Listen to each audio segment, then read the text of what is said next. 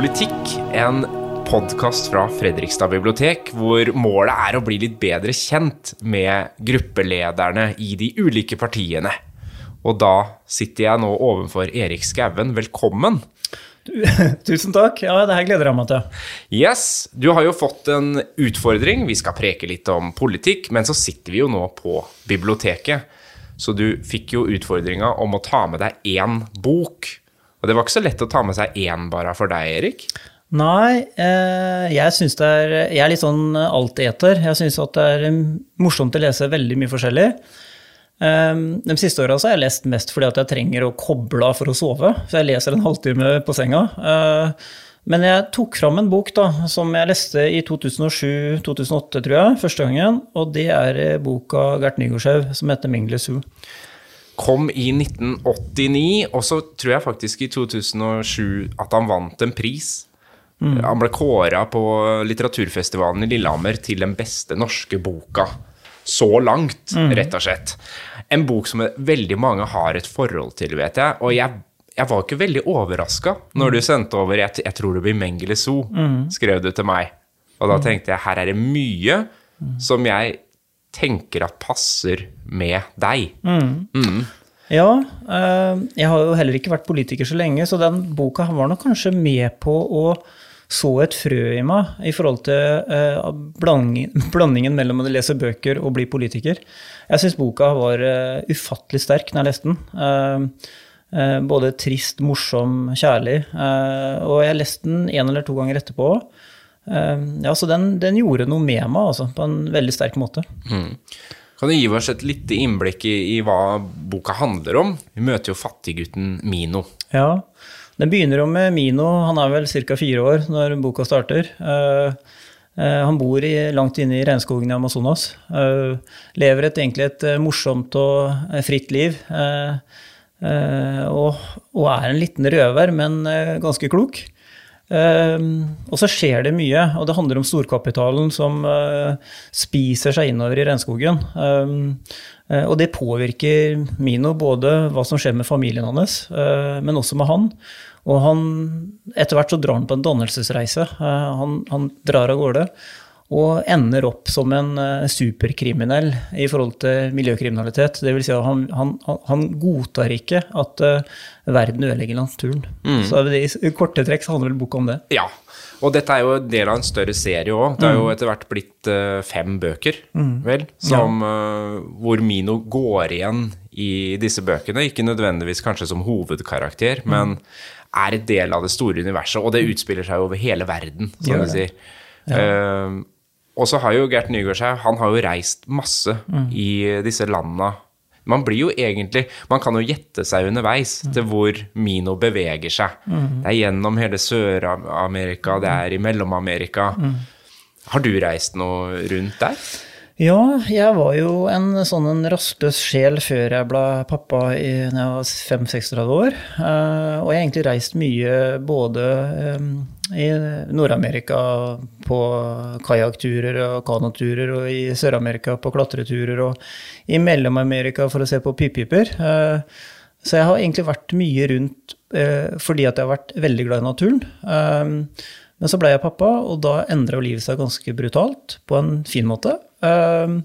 Eh, og så gikk jeg jo inn i politikken, og så skjønte jeg det at eh, jeg bør kanskje være takknemlig eh, med det jeg har opplevd, og så prøve å gjøre ting litt annerledes i åra som kommer. Mm. Mm. Men du har vært i de landa som Mino er gjennom? Argentina, Brasil mm. de, ja. Jeg har vært noe av det. Jeg har ikke vært i Amazonas, men jeg har vært i Andesfjella og rundt omkring. Men, jeg, men boka står godt alene uten å ha vært der. men ja, for boka er jo en, Han Mino han er jo en nydelig person. Uh, og Gert Nygaardsjøv er jo så god til å fortelle både det sårbare uh, og det morsomme. Uh, så du blir jo veldig glad i han Mino. og han, han, er jo en liten vanlig gutt i starten, men han blir jo en mystisk figur etter hvert. Mm. Og han blander jo Gert Nygaardshaug, han blander fiktive hendelser med virkelige hendelser som pågår mm. Altså, det føles jo veldig aktuelt. Den mm. boka her ble skrevet i 89, altså. Mm. Og han har jo fortsatt å utvikle det universet, men allerede i 89 så peker han jo på veldig mange ting som er eh, helt prekært i dag, da. Ja, det er en, jeg tror det er en oppvåkning for mange å kunne lese den boka. Um, eh, både i forhold til det med naturødeleggelse av storkapitalen, uh, men også hvordan måte, vi mennesker eh, eh, kan respondere på noe vi opplever som urettferdig for neste generasjon. Eh, og han, eh, han Gert, han, eh, han har skrevet masse andre bøker, og han er jo en sånn, han lager jo sine egne universer. Men det som er kanskje det eh, mest fascinerende med den, er at han drar alltid litt lenger i alle retninger enn en typisk kriminalroman uh, gjør. Uh, så det er, det er et univers som er morsomt å være en del av. Det er veldig lekent og spenstig, og så har du det, det liksom vitenskapelige og det magiske. Har det, veldig. Uh, han er jo Nå er jeg biolog i bånn, så jeg har jo på en måte litt referanserammer i forhold til det han har eh, skrevet opp igjennom. Jeg har lest mesteparten av det han har skrevet, tror jeg. Eh, og jeg, det er bare én ting jeg, han har missa på, som jeg har opplevd, sånn i forhold til faglighet. Og det var i en av dem, eh, oppfølgerne til dem Englesu. Ellers så er, han liksom rettmessig god ikke sant. Så han er faglig sterk samtidig som han er supergod til å skrive noe spennende mystisk. Mm. For Mino han er jo sommerfuglfanger, det er jo det det begynner med. Han, han samler sommerfugler for uh, faren sin. Ja. Så sånn sett så er han jo i liten skala også en som plukker fra naturen og bruker naturen, men de lever jo liksom mer i pakt med det Mm. Ja. enn de store maskinene som drønner inn eh, etter hvert i boka, da. Og det tror jeg vi kan dra litt sånn over på uh, våre liv òg, at uh, vi skal jo ikke slutte å bruke av naturen. Uh, vi skal høste av naturen, og, for det er på en måte grunnlaget for å leve. Men det er på en måte, bruker vi mer enn det som er der, så går det gærent. Og, og det er det som er sånn oppgjørets time i den boka. At det ødelegges livsgrunnlaget. Og det kan vi jo se litt i for, forhold til politikken òg. At det, eh, er det greit å ta de jordene og bruke til andre ting, eller skal vi dyrke mat der? Og så tar vi litt og litt, og så syns vi det lille det går greit, men etter hvert så blir det store ting, og da er det heller ikke bærekraftig. Mm, og det har jo gode eksempler på midt i byen òg. Dere er jo opptatt av grønne lunger, vet jeg. Mm. Det bygges ut eh, veldig mange steder i byen her nå. Hvordan tenker du rundt liksom, byen som helhet? Jeg tenker at det er utrolig viktig å ha tunga rett i munnen. Eh, Det å legge til rette for at flere kan bo i byen, og da tenker jeg primært på barnefamilier og unge mennesker. For de godt voksne, de, der har det vært et godt tilbud i mange år. Men for å få barnefamilier og unge mennesker til å flytte til byen, så er det helt nødvendig å ha grønne lunger i gangavstand til der man bor, og helst rett utafor døra. Og Hvis ikke vi klarer å mikse det med eh, gode eh, kvaliteter, eh, både med barnehage, grønne lunger og, og trygge rammer for barnefamilier, så vil heller ikke barnefamiliene flytte til byen. Eh, så eh, det der er kjempeviktig, eh, og jeg tror vi har en vei å gå på det. Nå har vi jo sett noen kartlegginger på hvem flytter til byen, og hvem flytter ut av byen i Fredrikstad. Og det er nok to ting da, som jeg har nevnt, og det er barnehage, tilgang på barnehage i nærhet for barnefamilier, og at det er mulig å slippe poden ut, sånn at han kan leke uten at mamma eller pappa må følge den hver gang han skal ut og trekke frisk luft. Nå preka vi oss liksom naturlig over på, på politikken her. Ja. Vi må jo ta et skritt tilbake, for du sa at du har jo ikke vært politiker så lenge. Nei. Eh, Nei. og for meg så er jo du en som liksom Du, du dukka opp i Fredrikstad-politikken, og, og tok liksom eh, Fredrikstad litt med storm. Mm, ja, det var pent sagt. Fikk, ja, men du fikk jo Altså, Miljøpartiet De Grønne var jo ikke sånn kjempestore her, og så, og så skjedde det noe eh, med engasjementet. Ja. Ja, det var de, de gjorde kanskje det. Jeg har ikke tenkt sånn på det, men jeg blir jo glad når du sier det sånn. Eh, Nei, jeg har jo ikke vært lenge politiker. Jeg, jeg bestemte meg i 2015, eh, 2014-2015 at eh, nå er tiden inne eh, for å gjøre For jeg har jo levd mer eller mindre hele livet med jobber som handler om natur. Eh, Enten gjennom klatring, padling, eh, eh, annen type biologiretta jobber eh, undervisning. Eh, og så tenkte jeg at nå har jeg dyrka meg sjøl så sterkt i så mange år og hatt et fantastisk liv. Eh, så tenkte jeg at eh, nå må jeg gå inn og prøve å bidra litt, for jeg er sånn skapmoralist. Jeg syns at alle andre er dumme, og så er jeg så flink. Eh, og så sjekka jeg opp litt hva jeg skal, hvordan skal jeg engasjere meg. Eh, og etter en eh, runde på det så fant jeg ut at det er politikken hvor handlingsrommet er. Og så gikk jeg litt gjennom de forskjellige politiske partiene. Jeg hadde ingen, ikke noe politisk ståsted i det hele tatt. Jeg. Um, og så endte jeg opp med Miljøpartiet Grønne fordi at de vekter naturen som grunnlag for all type videre utvikling, for å si det enkelt. Og jeg syns at naturen har blitt vekta for lavt. Uh, og så uh, dundra jeg på, og jeg er nok litt sånn type at hvis jeg bestemmer meg for noe, så blir det en veldig stor del av livet mitt. Da. Og det har jo politikken blitt nå. Mm. Mm. Og Hvis vi trekker det tilbake til Mino i boka, da. Han, mm. han går jo fra å leve i pakt med naturen og, mm. og bruke ressursene til det de trenger, mm. og ikke noe mer. Mm. Eh, og så blir han jo etter hvert aktivist. Mm. og så blir han terrorist mm. til slutt. Men du, du, ble politiker, da, og ikke Altså, du kunne jo endt hvor, hvor mye av Erik Skauen er aktivist når du går inn i politikken? Eh, det er nok litt sånn nervøst anlagt, jeg også. Så uh, inni hodet mitt så kan jeg bli veldig frustrert over en del ting som gjøres både nasjonalt og internasjonalt, og sikkert her i kommunen òg, men, uh, men, jeg nok, har nok behov for å være en ordentlig gutt. Uh, og det er nok på bakgrunn av at jeg, er ikke så trygg i meg sjøl at jeg kunne stått på barrikadene og følt meg trygg i det. så politikk er jo et verktøy for å skape endring innafor det som er lovlig og akseptabelt. Eh, eh, og det er nok jeg mer komfort med. Men jeg syns det var også skummelt å gå inn i politikken. For for jeg er jo en vanlig gutt fra Torp. og bli, bli, karakterisert som det ene og andre, det grua jeg meg litt til. For jeg, jeg, er jo bare en vanlig gutt på 50 år. Men jeg syns at både innbyggere og Eh, avisene med mer har vært eh, veldig greie. Så jeg, jeg, føler meg Så lenge jeg oppfører meg ordentlig eh, og er redelig, så tenker jeg at det her går greit. Ja, for det er jo et inntrykk jeg tror mange av oss som ikke er i politikken, sitter med at altså, vi blir jo aldri fornøyd. Det er jo aldri bra nok, selv om dere får til en sak eller to, på en mm, måte. Mm. Så for, føler du at du får holdt på å si, mest kjeft eller mest skryt? jeg føler at, uh, at jeg ikke får uh, så mye kjeft. Jeg føler at det er mange som er frustrerte. Uh, og det er sikkert pga. den tiden vi lever i òg. Og det må man jo ta på alvor. Det kan være frustrasjon på små ting, men store ting for dem det gjelder. Men det kan også være større ting. Og så syns jeg at folk er gode til å være, si, si, pene ting til hverandre. Nå tenker jeg ikke i det ekkokammeret som i et politisk parti, men storsamfunnet Fredrikstad. Da. Så jeg føler meg jeg føler meg privilegert som får lov til å ha den jobben i fire år, som jeg har hatt nå.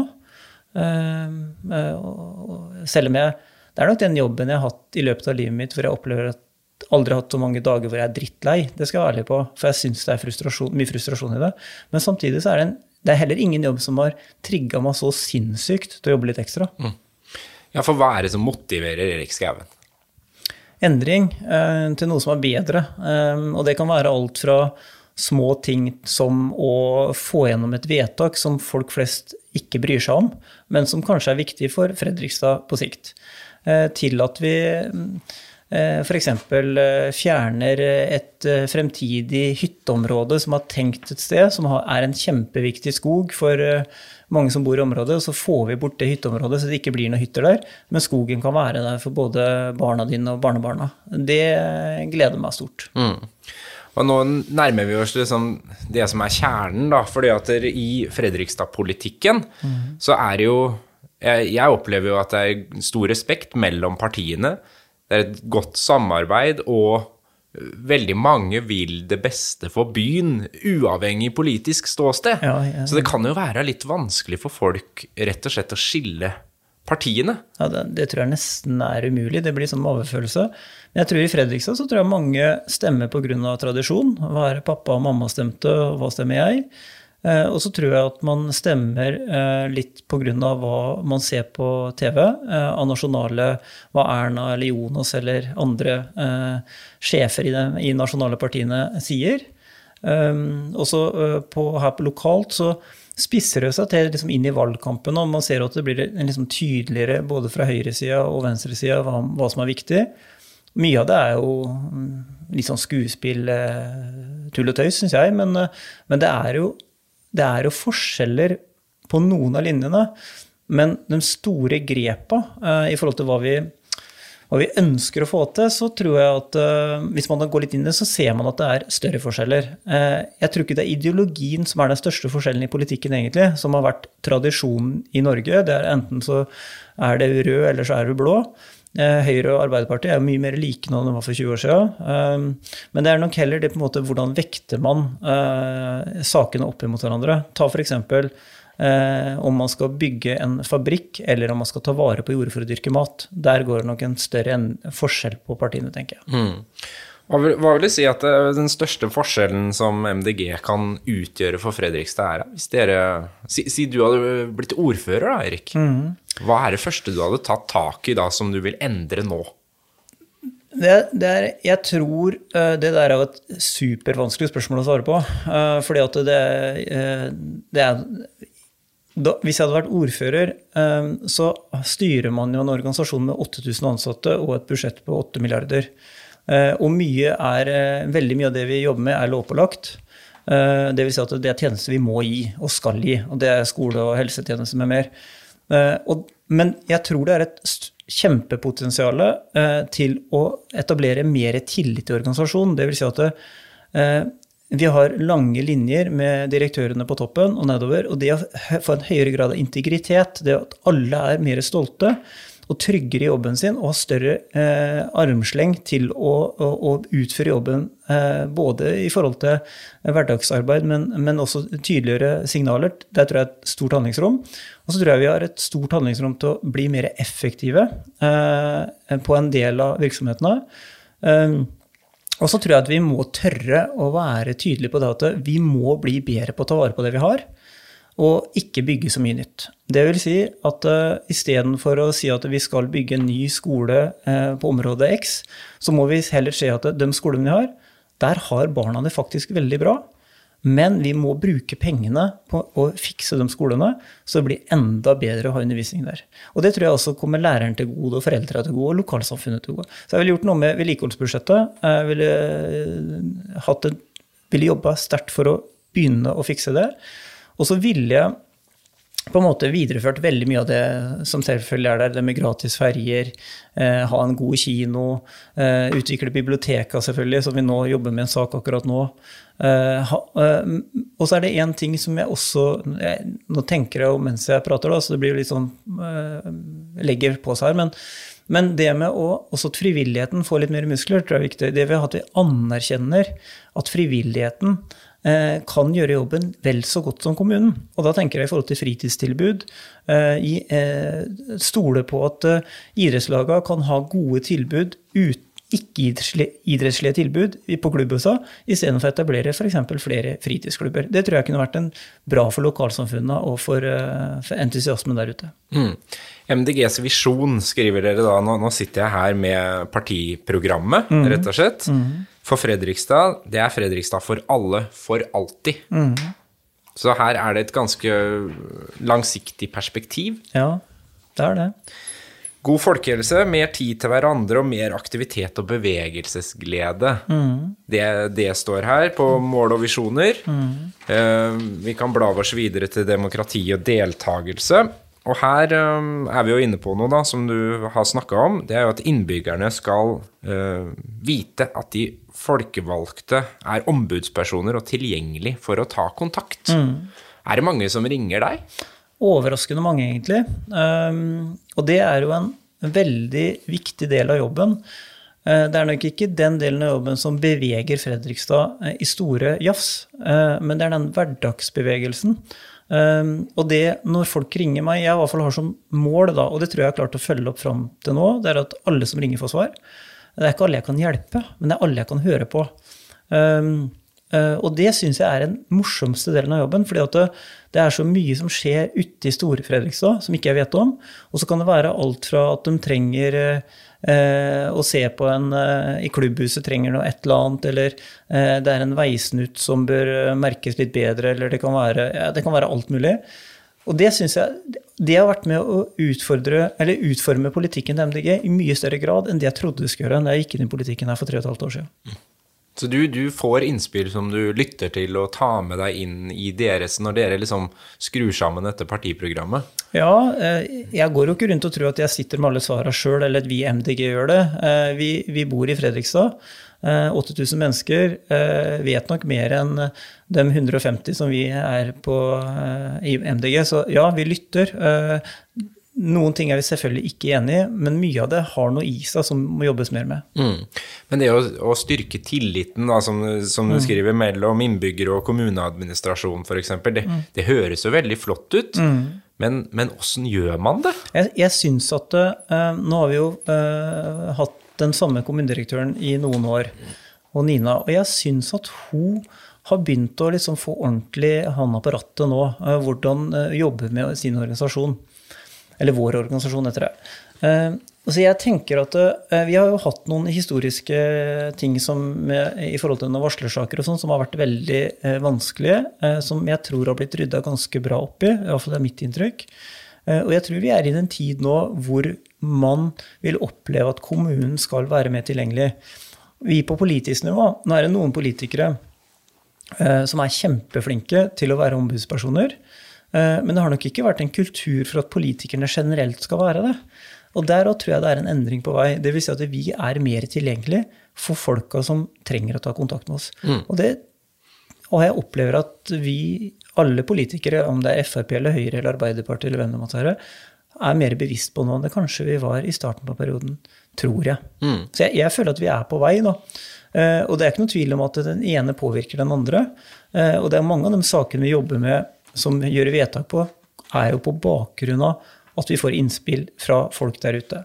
Jeg kan komme med et konkret eksempel. Gjøre det? Ja, gjør det. Eh, eh, for i mai i fjor så ble jeg ringt opp fra Hauge LSU, som er et lokalsamfunn oppe i Hauge. Og de ønska at jeg skulle komme opp en tur og, og se på Haugegropa. Og det er et et grønt område, en skog, eh, i nærheten av gammel trehusbebyggelse og industri. Så dro jeg opp der og traff han Ulf han Kjell, som er i Hauge LSU. Så sier han Ulf til meg ganske tidlig at eh, jeg har ikke noe tro på dere politikere, for dere bare preker. Og det syns jeg egentlig var veldig bra sagt. Og så sa jeg at jeg er jo en vanlig gutt fra Torp, Ulf, så du må få gi meg en sjanse, da, sier jeg. Eh, og det de ønska, de ønska å få gravd opp flere dammer. De ønska å lage et nærmiljøpark. De ønska å på en måte få på plass eh, benker, et, eh, et tak over Eller en Hva sier for noe? En, en, et sted du kan sitte inne. Gode parkeringsfasiliteter, få fiksa brygga si. Og alt det på bakgrunn av den praten og det de har jobba med i LSU, så ligger det nå inne i budsjettene, og vi er i gang. Så det er et godt eksempel på at innbyggere Eh, hvis de, eh, og det her, her guttene jobber på frivillig basis. Da. De har andre jobber, jobber masse. Så tar de seg tid, grunn, for de ønsker det for lokalsamfunnet sitt. Mm. Og så eh, har jo alle politikerne vært der oppe etterpå, og vi har hatt eh, flere møter, og, og nå, er, nå, nå, rusler det av gårde. Og i løpet av et år eller to nå, så er det her ferdig. Eh, alt de har ønska, vil komme på plass. Og det er på initiativ fra Ulf og Kjell. Mm demokrati i praksis, rett og slett. Ja, det og, synes jeg. Og påvirkningskraft. Ja. Hva tenker du da om ungdommen? Jeg har akkurat nå vært på tur med Fredrikstad ungdomsråd eh, på Utøya. Ja. Eh, debattert og diskutert og um, Det var jo veldig oppløftende. Mm. Og samtidig så sier de jo at eh, nei, vi blir liksom ikke hørt. Nei. Hva tenker du om ståa til liksom de unge velgerne? Nå er jo de enda yngre, da, men de mm. som skal velge for første gang nå. Hvordan orienterer man seg for å gjøre et godt valg for seg sjæl? Ja, det der er jo eh, Hvem har ansvaret, kan man jo begynne med da. Eh, jeg syns f.eks. en solskinnshistorie, det er sånn som Greåker videregående skole og science-linja og Fredrik den annen, som inviterer politikere jevnt og trutt, egentlig. Og elevene lager spørsmål, og det er veldig lav takhøyde, lave skuldre. Og vi ble satt til veggs det er en god arena uh, hvis måte, vi politikere er redelige. Dvs. Si at vi ikke driver bare med brød og sirkus og pratemakeri. Men hvis vi er ærlige, så er det en god arena for å få et inntrykk av hva som er forskjellen på eksempelvis Senterpartiet og Miljøpartiet De Grønne. Det har jeg vært med på ganske mange ganger de siste tre og et halvt åra. Uh, og jeg har også oppfordra Litteraturhuset til å ha mer ungdomskvelder, uh, hvor man uh, lar ungdommen lage spørsmåla og sette oss til veggs på ting som er viktig for dem. Det, det, håper jeg kommer. Så jeg tenker at storsamfunnet har et ansvar for å gi ungdommen arenaer hvor de kan virkelig spørre ut politikerne. Jeg syns at videregående skole er bra på det. Uh, jeg, men jeg tenker at er et, der er det større muligheter. Og så kan man tenke at hva skal eh, ungdommen gjøre sjøl, da? Ja, det er jo ikke så lett for dem, uh, antageligvis. Men jeg får jo innimellom, kanskje en gang annenhver måned, uh, mail fra noen elever på videregående skole som lurer på om jeg kan hjelpe dem med en oppgave de har, eller om, jeg, kan, om de kan intervjue meg og sånn. Men der kunne, tror jeg, at skolen kunne vært flinkere til å jobbe mer direkte med politikere. Da, for å gi elevene en trygghet eh, på de forskjellige politiske partiene. Mm. Og så tenker jeg selvfølgelig at kommunen eh, som en stor organisasjon kunne lagt til rette for det. Men så har man sånne demokratiguider og sånn nå. da, Fredrikstad er ganske gode på det. da. Folka på rådhuset syns jeg har vært supergode på å til, eh, legge til rette for at unge mennesker kan få svar på det man lurer på, og, at, og oppmuntre dem til å stemme uansett hva de ønsker å stemme. Mm. Men, så det er en vei å gå, men jeg syns det skjer ganske mye bra òg, altså. Vi skal jo inn på litt kultursaker, tenker jeg. Du er jo leder for kulturutvalget. Mm. Uh, og apropos det, så tilgjengelig som du er, som du sier. Du får masse forespørsler om alt fra skoleoppgaver til skolebesøk til uh, sikkert masse lag og foreninger, og, mm. og sånn har du tida til alt. Og så sitter du da som leder for kulturutvalget mm. og skal sette deg inn i en haug med saker som skal opp på et møte. Mm. Nei, jeg syns ikke tid er uh, den største utfordringen i den jobben jeg har. Det er mer heller det å føle at man gjør en god nok jobb. Um, I forhold til at det, det er jo uh, bare fra Rådes og til hit nå så tok jeg tre telefoner uh, for å liksom rekke det. Så, uh, så, det er nok den tida Nei, jeg føler Vet du hva? Jeg opplever at hvis Politikk er litt sånn. Begynne på nytt. Politikk er sånn. Skal du gjøre en god jobb, så må du ha kunnskap. Da må du sette av tid til kunnskap, og da må du velge å bruke tida di på å være politiker. Og jeg valgte, når jeg gikk inn i denne jobben her, at enten så går jeg all in, det vil si at jeg jobber med det hver dag i fire år.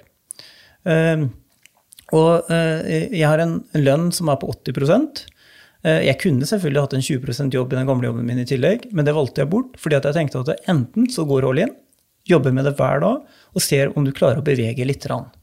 Eh, og jeg, og jeg lever godt på 80% lønn. Så, og jeg har aldri vært opptatt av noe penger heller. Så for meg så var det en veldig god følelse. For da kan jeg også, hvis jeg har en litt rolig dag, f.eks. Eh, ta meg en treningsøkt klokka åtte på morgenen eller ni på morgenen. Eh, og uten å ha dårlig samvittighet. Eh, så tid har vi nok av, men du må bruke tida godt. Men du må velge bort noen ting, da. Jeg, jeg må ta et annet eksempel, mm. for det er liksom sånn med tida. Jeg, I august i fjor så hadde jeg en veldig ønske om at jeg og sønnen min skulle dra til Trysil og sykle. Og så hadde jeg en plan om å få til det i løpet av høsten. Og jeg fikk det ikke til fram til jul, for det var noe jobb hver helg. Uh, uh, eller noe annet. Uh, og så tenkte jeg å prøve å få det på våren. Den helga som var nå, så var vi på Trysil og sykla. Jeg og han Iver hele helga. Og vi bodde på campinghytte, spiste god mat og så på Champions League på kvelden. Det var fantastisk. Men jobben er liksom at du må sette av tid til andre ting. Hvis ikke du gjør det, så spiser du opp all tid. Men klarer du da å legge fra deg telefonen når dere drar på tur da, eller er det sånn at du må ut og ta en fire-fem telefoner innimellom? Nei, nå, vet du hva, nå har jeg hatt såpass dårlig samvittighet eh, for det der. Så jeg, jeg skrev ett leserinnlegg i helga eh, på campinghytta, eh, men det gjorde jeg mens han Iver lå og slappa av på sofaen. Ja. Ellers så jobba jeg ikke i det hele tatt. For at jeg tenkte at nå skal jeg se han Iver inn i øya hver gang han spør meg om noe. Han er snart 15 år, og kjempeviktig for meg. For den telefonen den plager både barna mine og samboeren min. Så jeg bestemte meg veldig i helga at nå er det sykkel, god mat. Vi spiste entrecôte og poteter på fredagen på campinghytta, og vi har drukket masse Pepsi Max. Det har vært helt fantastisk. Og jeg jobba minimalt. Mm. Bare, bare fortsette litt på det før vi tar liksom enkeltsakene. da. Det der med å legge bort telefonen, som du sier. Jeg tar meg sjøl det sjøl. Har en to år gammel sønn, ikke sant. Og plutselig sier jeg 'pappa, pappa', pappa, og så sitter jeg der og skulle bare svare på en melding, eller er, er du flink ellers? Du sier du trener. Du er, du er jo en sånn naturens mann, slår du meg som. Er du flink da til å legge bort Nei, jeg er ikke det også. Eh, Jeg, jeg er, det, det er en evig dårlig samvittigheten min. meg. For at jeg sitter eh, og svarer på ting eh, mens jeg spiser, eh, mens jeg ser på Dagsrevyen, mens ungene jeg, eh, Og jeg ser den triste øya til spesielt til dattera mi på tolv. Så det syns jeg er en utrolig ufin ting jeg gjør, som jeg må jobbe med. Men den verden vi lever i hvor alt kommer inn på telefon, og det er en veldig vanskelig balanse. Um, Ja, så skal du jo henge med som politiker, da. Du skal hele tida kunne svare Ja. for deg. ja, det er vanskelig. Det er, og det er kanskje det som gjør at den jobben er sånn at jeg tenker innimellom det her gidder jeg ikke mer. Nå er det nok. Uh, Jeg er 50 år, ungene mine er i den viktigste alderen å følge opp. Nå er det nok. Uh, Men så føler jeg det er så nødvendig å være der, og jeg, synd, jeg føler meg veldig takknemlig for å være der òg, så jeg, det er en vanskelig greie. Um, Men jeg klarer å legge det bort hvis jeg er veldig streng med meg sjøl. Men jeg er ikke flink nok, det kan jeg si. Men sånn politisk, hva er ambisjonene til Erik Skauen framover? Man tenker jo liksom sånn fire år av gangen ofte. Nei, Som menneske da, så har jeg aldri vært ambisiøs i forhold til et hierarki. Eh, Jeg har alltid vært ambisiøs i forhold til å få til ting der jeg er. Eh, Og jeg har kjørt alt fra pizza til å jobbe på Gyber og male gulver, til å jobbe på videregående og statsforvalteren med mer. Eh, Men jeg har aldri vært ambisiøs, og det tror mange kanskje ikke at jeg det tror, Da tror man kanskje at jeg tuller, for at jeg virker så seriøs. Men jeg har ingen ambisjoner i politikken med Jeg har ingen ønsker om eh, å komme på Stortinget. Jeg ønsker ikke eh, å få en eh, jobb eh, i politikken i Oslo. Jeg vil bo i Torsnes. Jeg vil jobbe i Fredrikstad. Eh, hvis valget går bra eh, i, til høsten, som jeg selvfølgelig håper det gjør, så har jeg lyst til å dundre på i fire år til. Eh, hvis det går dårlig, eh, så lever jeg veldig godt med det. Jeg har sendt ut noen, eh, noen følere nå i forhold til jobb. Jeg har lyst til å måte jobbe med noe meningsfullt i Fredrikstad. Eh, så jeg tåler det fint òg. Eh, og jeg har jo en jobb i Viken fylkeskommune som jeg kan gå tilbake, som er en eh, superfin jobb. eh, hvis jeg har lyst til det. Så For det er ganske brutalt når man på en måte ofrer så mye, og så plutselig så er du ute av lista igjen. Ja. Hvis ikke partiet ditt gjør et godt valg, da. Ja, det, er, det er litt rart, så, for at det, jeg har aldri jobba så mye som jeg gjør nå. det, øh, det vil nok mange si at det er ikke så rart, for du har ikke jobba før, sier de. Men, øh, men jeg har aldri jobba så mye som jeg gjør nå, og jeg, jeg syns vi det, Man får litt igjen for innsatsen da, på egne vegne, men, det, men det er det, sånn er det spillet. Eh, og det må man tåle. Eh, så jeg kommer ikke til å bli lei meg, frustrert, hvis det ender med at MDG gjør et dårlig valg på vegne av meg sjøl. Jeg blir lei, litt sånn lei meg på vegne av partiet, for jeg tror vi er i gang med mye bra. Eh, Men for min del så lever jeg godt med det. Mm. Men da må jeg spørre, da. Det er 20 sider med mm. veldig godt innhold, flotte lovnader, i en kommune som tilsynelatende ikke har ei krone å rutte med. Vi skal bare spare. Er det et realistisk partiprogram, øh, det jeg sitter med i hånda her nå? Ja, det mener jeg. Fordi at uh, man kan gå inn i det narrativet og si at uh, kommunen har ikke penger. Uh, nei, kommunen har jo eh, mye penger, eh, men det er hvordan vi fordeler og bruker dem. Eh, og så har vi vært inne i en periode nå hvor vi eh, skal ta ned en del utgifter fordi å få, for å få kontroll på eh, den store økonomien. Eh, og så har vi en del utfordringsbilder i forhold til, som flere har nevnt tidligere, i forhold til hvor mye får vi fra staten med mer. Jeg mener at veldig mye av det som står i partiprogrammet der, er kjemperealistisk å få til, og noe må jobbes litt mer med. Men, men et partiprogram handler om en retning. Og den retningen, den eh, vil på en måte gjennom alt det der som står i det partiprogrammet, eh, bli veldig tydelig. Eh, og så er det selvfølgelig ting der som, eh, som tar lengre tid enn tre måneder. Men jeg mener at det er realistisk, ellers hadde vi ikke skrevet det. Mm. Noe av det har vi jo vært inne på med grønne byrom f.eks. Flere gratis fellesløsninger i offentlige rom er dere opptatt av. Og at man skal kunne liksom være ute sammen uten at det er noe kjøpeplikt nødvendigvis. Og det bringer meg jo over på her vi sitter nå, da. Nemlig biblioteket vårt, som vi er så opptatt av. Eh, nå er det en biblioteksak på gang. Hva vil eh, Miljøpartiet De Grønne med framtidas bibliotek i Fredrikstad? Ja, det har vært en reise, det òg. Når jeg kom inn i politikken i 2019, eh, så var det litt sånn Biblioteket hadde ingen retning. Det vil si at vi visste ikke vi skulle, hvilken vei det skulle gå. Eh, og det har vært en utredning som tok veldig lang tid, litt pga. korona og litt pga. andre ting antageligvis. Og så fikk vi jo den for noen eh, par måneder siden. Og den var jo innstilt fra kommunedirektøren. Tas til orientering. Og det ville jo inni min verden tilsi at da skjer det jo ikke så mye før det eh, kanskje skjer noe seinere. Og da eh, Det er ikke første gang han har vært oppe heller, får vi jo si. Det nei. har jo vært en prosess tidligere òg. Ja. ja. Det er jo en historie her på mange på, på 15 år eller lignende, tror jeg. Um, som ikke jeg kjenner til så godt, da, men har blitt fortalt litt. Men i hvert fall så uh, lagde jeg da seks vedtakspunkter uh, med mål om uh, tre ting hvert fall. Og det ene var at vi skal definere retning kjapt. Eh, det andre er at vi skal ha en filialstruktur som gjør at innbyggeren, uansett hvor man bor hen, har tilgjengelighet til bibliotek. Og det andre er at det skal være økonomisk bærekraftig, så at det er realistisk det vi nå skal gjøre. For hvis ikke det er økonomisk bærekraftig, selv om vi setter retning, så vil det ikke være noe bedre bibliotektjenester om 10 år eller 15 år. Ehm, så, eh, så, her var det på en måte å vekte eh, realisme og retning og fart. Mm. Og det tror jeg det står seg godt i de seks punktene som her ligger, da. Det blir veldig spennende å se. Det er jo og så er det jo mye følelser knytta til dette flotte bygget mm. vi nå sitter i. Veldig. Eh, og det er jo der ofte debatten har endt tidligere, på mm om man skal flytte ut eller ikke. Mm. Det, vært, det, er mye mer følelser til det bygget enn jeg trodde det var før jeg gikk inn i politikken. Uh, og jeg trodde, at, uh, jeg trodde ikke det var så mye følelser. Men på bakgrunn av det og, og samtale med veldig mange flinke både biblioteksfolk og befaringer på andre biblioteker, og med arkitekter med mer, så har jeg funnet ut at det lureste vi gjør, det er å finne ut hvilket mulighetsrom har bibliotekskroppen vi har i dag. Både med å få på plass gode ventilasjonsløsninger, eh, universelle utforma i den byggkroppen vi har, og bruke arealene best mulig. Det er jo 3000 kvadratmeter her. Man bruker 1200. Og i tillegg, hvordan kan vi bygge på bygget? Eh, så det gjør at vi kan få på en eh, superfin kafé, vi kan få eh, andre bibliotekstjenester som vi ikke har i dag.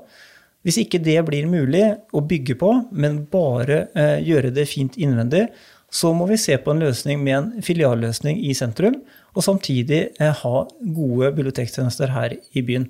Og hvorfor, fant, hvorfor, gjorde jeg det og ikke sa at vi bør heller gå for et nytt bibliotek på verkstedet, eksempelvis? Det handler om sånn eh, økonomisk edruelighet. Eh, da tror jeg ikke vi hadde hatt noe mer penger til bibliotek på mange, mange år. Og det syns jeg er det verste vi kan ende opp med. Så jeg, en, biblioteket trenger eh, mye ressurser inn nå. Og det var bakteppet mitt, da. Mm. Mm. En annen stor sak i Fredrikstad-politikken nå er jo Arena Fredrikstad. Hva, hva, tenker eh, partiet ditt og Erik Skauen om den saken? Jeg tenker at eh, den uh, saken, uh, sammen med et par andre, uh, kom blei vi Arva vi, på en, på en måte. Arena Fredrikstad det er ikke noe tvil om at eh, både Stjernehockey og folka der har vært flinke til å skissere hva som kan være den optimale løsningen. Men for MDG sin del så er vi nok der at eh, her bør vi nok eh, dra litt i brekket i forhold til økonomi. Eh, og vi er nok der at vi på et eller annet tidspunkt, eh, og når investeringsbeslutningen kommer nå om et ni måneder, et år, at vi må se på i forkant av det på om, om kan vi få mer isflate for en billigere penge enn det som er skissert. Eh, jeg tror ikke Fredrikstad kommune eh, skal ta seg råd til å bygge eh, to isflater med et flerbruksalternativ. En storstue til en milliard kroner. Det tror jeg ikke vi skal gjøre i Fredrikstad. Klare ord der. Eh, vi må litt sånn tilbake på mannen i gata òg, og kvinnen i gata. Mm. Flere søppelkasser med resirkulering, pant og smartkasser. Der har jeg tenkt på hvorfor har vi ikke matsortering hjemme i Fredrikstad? Mm. Det kommer jo nå. Eh, nå kommer jo eh, at man skal ha en egen dunk for mat som skal tas imot av Frevar og brukes å produsere biogass med mer. Mm. Så det har vært en prøveordning i Fredrikstad kommune, og nå rulles den ut etter hvert. Men, men, så da får vi fire sånne ka forskjellige kasser ved inngangen vår, da? Ja, det blir, det blir vel det, da. Nok er jeg helt under oversikten på hvor mange kasser det blir. Men, men, det blir, men så er det sånn at um, i Norge så er det litt sånn vi, vi, har levd i en oppgangstid siden 1945.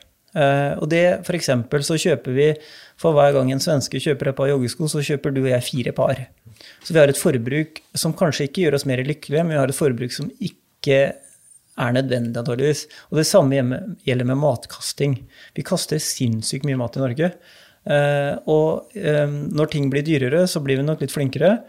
Men vi, et, vi må nok eh, jobbe med holdningsendringer og bli flinkere til å spise opp den maten vi kjøper. Det er jo ikke rart at folk syns at mat er dyrt når man, når man kaster 40% Da blir det dyrt å spise mat i Norge. Ja, apropos det forbruket, bare trekke det litt tilbake til Mengele Su og, og, og, Mino. da. Mm. Han, han, bruker jo veldig sterke virkemidler for å få folk til å forstå. Han vil jo endre. Skjønner vi hva som er i ferd med å skje? Denne tanken om å handle lokalt og tenke globalt, er det, er det utopi, eller må vi riste litt i folk?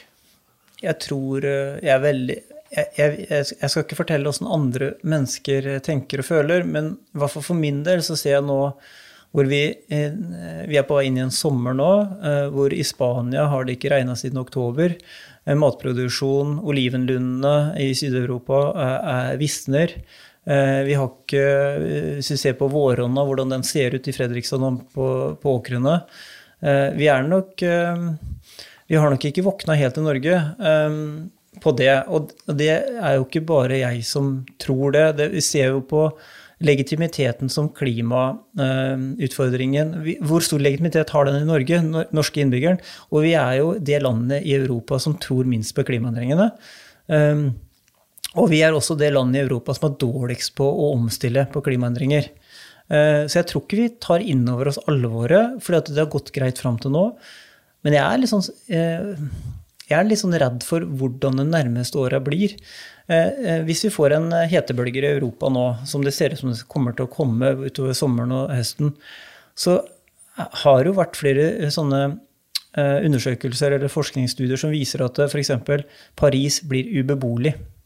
For det er så mye harde flater og mye asfalt med mer, så da må folk fra Paris flytte ut av byen. Mm. Og hvis vi kommer dit, så går vi rett inn i en skrekkfilm, egentlig. Ehm, jeg håper ikke vi kommer dit, men det ser sånn ut. Femte bok i Mino-serien, So Europa, mm. der beskrives jo litt det bildet. Et, mm. et, Europa og en verden ødelagt av borgerkrig, flyktningestrømmer, økologiske kriser, stigende fundamentalisme på alle fronter. Mm. Maja Lunde skrev også noen bøker eh, om tematikken blå eh, Den insektboka, hva heter den da?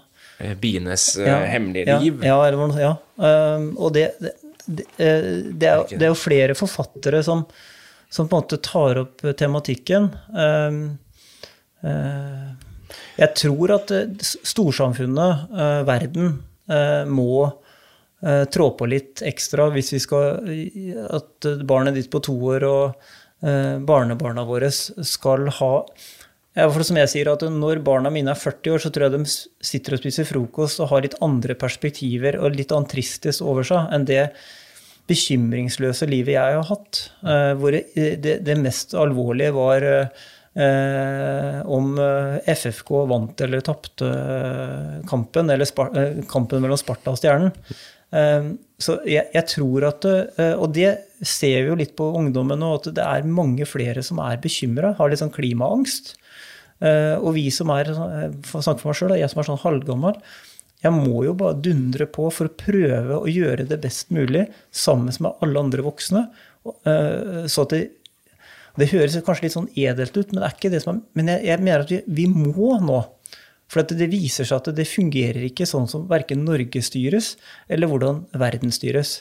Og så kan man si at det er noe vits i Norge. Norge er et lite land i eh, Ja, men Norge er en av verdens rikeste land. Hvis vi klarer å vise hvordan ting kan gjøres, så kan vi gi bort den løsningen løsningene til andre land som er fattigere, og hjelpe dem. F.eks. hvis du tar et, et, et u-land, kanskje ikke den bør gå via F.eks. kabling av elektrisitet eller av, av, av, en del digitale løsninger. Kanskje gå, gå rett på fiber, eller unnskyld, rett på trådløst. Så som et eksempel vi, en del land i verden kan hoppe over den miljøfiendtlige eh, åra vi har hatt, for å gå rett på mer bærekraftige løsninger. Mm. Og det kan Norge være. Norge var jo utrolig tidlig ute, takket være jeg tror Venstre, i forhold til å innføre det med elbilsatsinga i Norge. Eh, og vi har jo vært en foregangsnasjon på elbil. Eh, den redder ikke verden elbilsatsinga i Norge, men, men det gjør at andre land ser til Norge. Og da hjelper vi til indirekte. Den boka til Maja Lunde heter 'Bienes historie'. Det var det. Bienes Ikke 'Bienes hemmelige liv', ja. men 'Bienes historie'. Og den tar jo, både, Maja har skrevet fire bøker, hvis jeg husker. og Den første var den beste, syns jeg, og så ble det dårligere og dårligere. Men det er bra, alle sammen. Og det er jo kjempesterke bøker. Uh, triste. Um, uh, men på en måte Det er jo på, bakgrunn av klimaengasjementet, sånn som jeg har lest om Maja Lunde, at hun har skrevet de bøkene. og det er jo fantastiske romaner eh, som er verdt å lese. Mm. Vi skal gå inn for landing. Du, du sendte jo et par andre boktips òg, mm. Erik, som jeg bare har lyst til å ta med, fordi at jeg syns det passer liksom litt med, med, den personen som du tegner et bilde av deg sjøl om òg, som, mm. som, engasjert og litt sånn i pakt med, med naturen, mm. opptatt av naturen. Du nevnte Forest Carter og Lille Tre, mm. som jo handler om en liten gutt som, som lever veldig i, i, pakt med alt rundt seg. Mm. Native American, uh, ung gutt som liksom etter hvert blir indoktrinert på den amerikanske skolen. Nydelig bok. Mm. mm. Og så er det Aid Ran sin 'Kildens utspring'. Ja.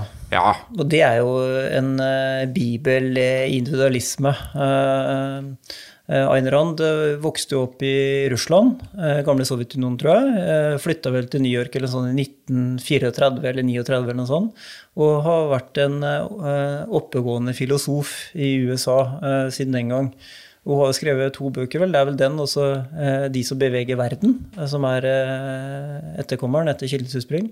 'Kildens utspring' er jo en bok som handler om integritet og individualisme men ikke et egoistisk perspektiv. Eh, det går an å på en måte skape, ta vare på seg sjøl uten at det bør gå utover andre, for å si det enkelt. Og den boka den har jo veldig mange sånne eh, passiarer i seg som er ren filosofi, som er eh, en utro Men det handler om arkitektur, da. Eh, så det er også en fantastisk bok. Men, men, jeg er ikke så skarp på at jeg skjønte alt første gang jeg leste den, så jeg måtte lese den et par ganger. Men det er jo, det er jo liksom sterke hovedkarakterer som brenner, har et brennende engasjement, og som virkelig tror på noe, og som bruker liksom, virkemidlene sine for å forandre. Det syns jeg er litt sånn felles for de bøkene ja, du har, ikke, vært innom. Tenkt, ikke, det var jo veldig morsomt å si. Jeg har ikke tenkt sånn på det. Jeg syns bare at de tre bøkene av uh, en del av dem jeg har lest, syns jeg det var liksom, tre bøker som har merka seg.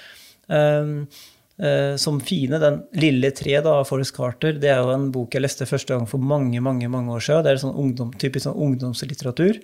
Eh, og den lille indianergutten som bor hos besteforeldra sine. og eh, Besteforeldra som er så utrolig nydelige med lille gutten, som har mista foreldra sine. Og den reisa han drar gjennom. Og det er nok en biografi om Forest Carter. Man får spekulere litt rundt det. da utrolig sterkt. Så den boka anbefaler jeg alle å lese, enten for barna sine eller for sin egen del.